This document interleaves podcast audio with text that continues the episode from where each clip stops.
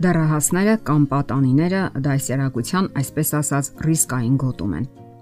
Դժվար է նրանց հասկանալը, զսպելը եւ ընդհանուր առմամբ ճիշտ ուղղորդելը։ Նրանք ինքնաբուխ են, բայց եւ սիրում են լսել ու հնազանդվել։ Նրանք նման են հրաբուխի, բայց եւ սիրում են անկեղծ ու անկաշար սիրով։ Նրանց հետ դժվար է, սակայն նաեւ հաճելի է, որովհետեւ սիրառատ են եւ անկեղծորեն դյուրահավատ։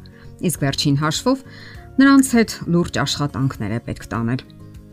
Ծնողները սովորաբար գիտեն, թե որն է իրենց դեռահասի ուժեղ եւ թույլ կողմերը։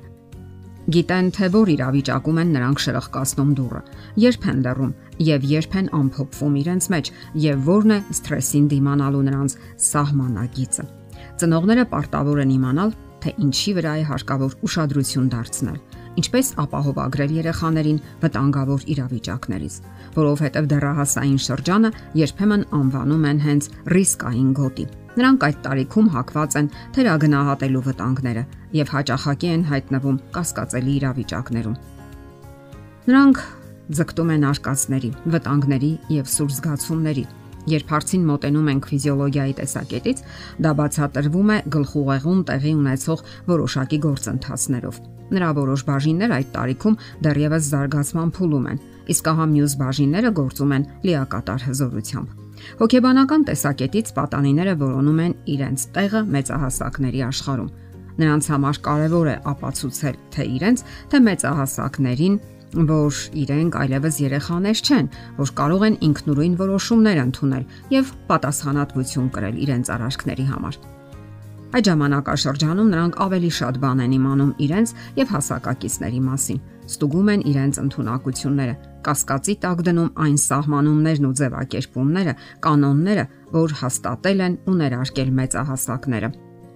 Այդ կերպ նրանք ձևավորում են սեփական վերաբերմունքը հասուն կյանքի տարբեր կետերի վերաբերյալ եւ հանուն դրա հաճախ նույնիսկ ռիսկերի են գնում։ Ակնհայտ է, որ նրանք գնում են այդ ռիսկերին առավել հաճախ սեփական ընտրությամբ, հանուն դրական հույզերի, սթրեսը հանելու, նոր հարաբերությունների եւ նոր փորձառությունների հույսով։ Սակայն այս ամենը դեռևս լիակատար ցուցակը չէ, հանուն որի նրանք գնում են ռիսկերի եւ լուրջ անհանգստություն պատճառում ծնողներին։ Բոլոր փորձագետները նշում են, որ դեռահասների ռիսկը համալիր բնույթ է կրում։ Քրիստինա Բերքելին պատանիների առողջության պահպանման բնագավառում մասնագետների պատրաստման եվրոպական կենտրոնի փորձագետ է։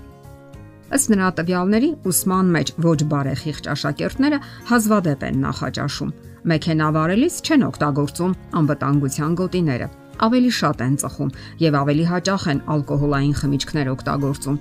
Ավելի վաղ են սեռական կյանքին ծանոթանում, ավելի հազվադեպ են իրենց առողջ զգում եւ ավելի շատ են հակված ինքնասպանության մասին մտքերին։ Եվ այստեղ մեծ դեր ու աշխատանք ունեն ծնողները։ Ռիսկերը նվազեցնելու համար հարկավոր է գործել արագ եւ անմիջապես բոլոր ուղություններով հարկավոր է զրուցել, parzabanել, փոխել միջավայրը, խորհրդակցել մասնագետների հետ, սահմանափակել ու նաև խրախուսել, խթանել եւ ուղղորդել։ Ընդ որում, որը կարևոր է, մեծահասակները նույնպես փոխվելու կարիք ունեն։ Նրանք պետք է ձգտեն ավելի շատ բան իմանալ, ավելի լավատեղյակ ու բանիմաց լինել եւ հեղինակավոր ծնող լինել պատանիների աչքում։ Իսկ գլխավորը պատանիներին հարգելն ու հասկանալն է, նրանց սատարելը, փոխհարաբերություններն ու վստահություն պահպանելը։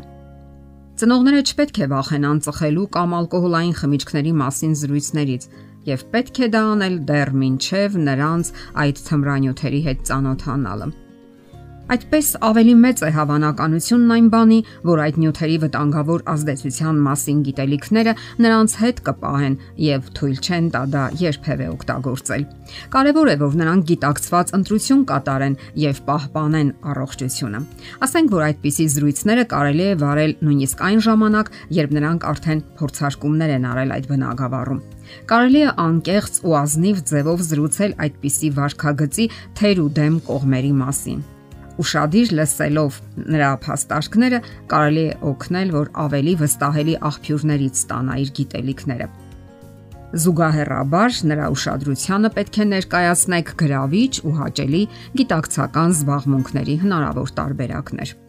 Շատ ծնողներ իհարկե անակնկալի են գալիս, նկատելով երեխաների այդ կեղծ հասունացումը, այսինքն ընկերությունը ծխախոտի հետ։ Եվ որքան խոցելի է եւ հոգեբանորեն անբարենպաստ միջավայրում է դեռահասը, այնքան նահակված է դեպի ծխախոտը։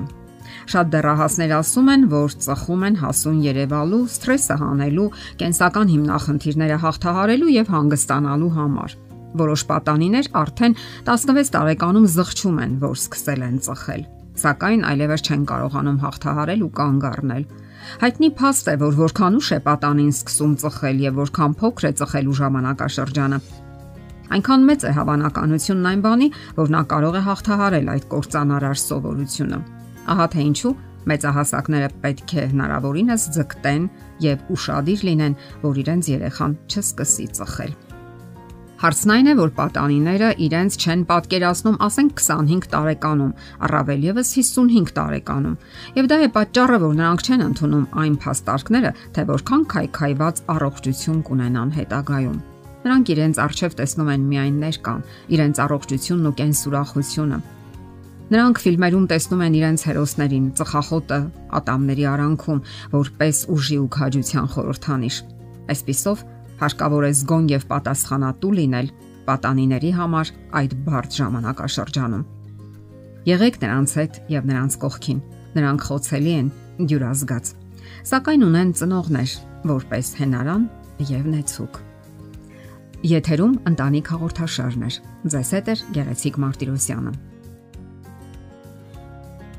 Հարցերի եւ առաջարկությունների համար զանգահարել 033 87 87 87 հեռախոսահամարով։